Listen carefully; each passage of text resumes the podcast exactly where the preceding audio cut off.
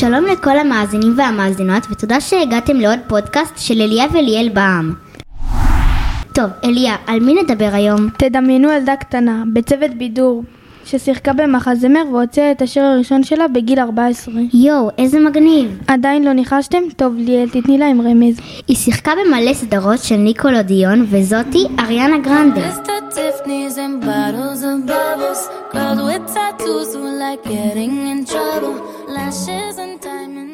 נראה לי הבנתם שזאת תחילת הקריירה שלה, אז בואו נמשיך. אריאנה הוציאה שירים רבים וזכתה בפרסים רבים, כגון MTV וגרמי.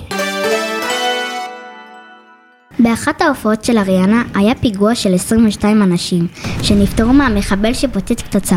אריאנה ניסתה לנסות לתקן את כל האבל של המשפחות שנפגעו בהופעה שלה, ותרמה לכל המשפחות כסף. איזה עצוב לשמוע, מבחינתי היא דמות להשראה וקשה למצוא מפורסמים כמו.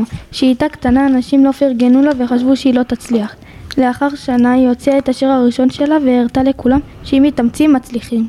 טוב, בואו נחזור למידע שלנו על אריאנה. אז ב-2022 אריאנה הוציאה את השיר האחרון שלה בשם Save Your Trace, ונכון לעכשיו היא לקחה הפסקה מהמוזיקה ופתחה מותג איפור חזק בשם רם ביוטי.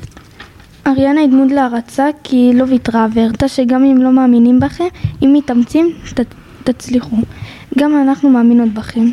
תודה שהאזנתם לנו, אנחנו היינו אליה ואליאל בעם. להתראות.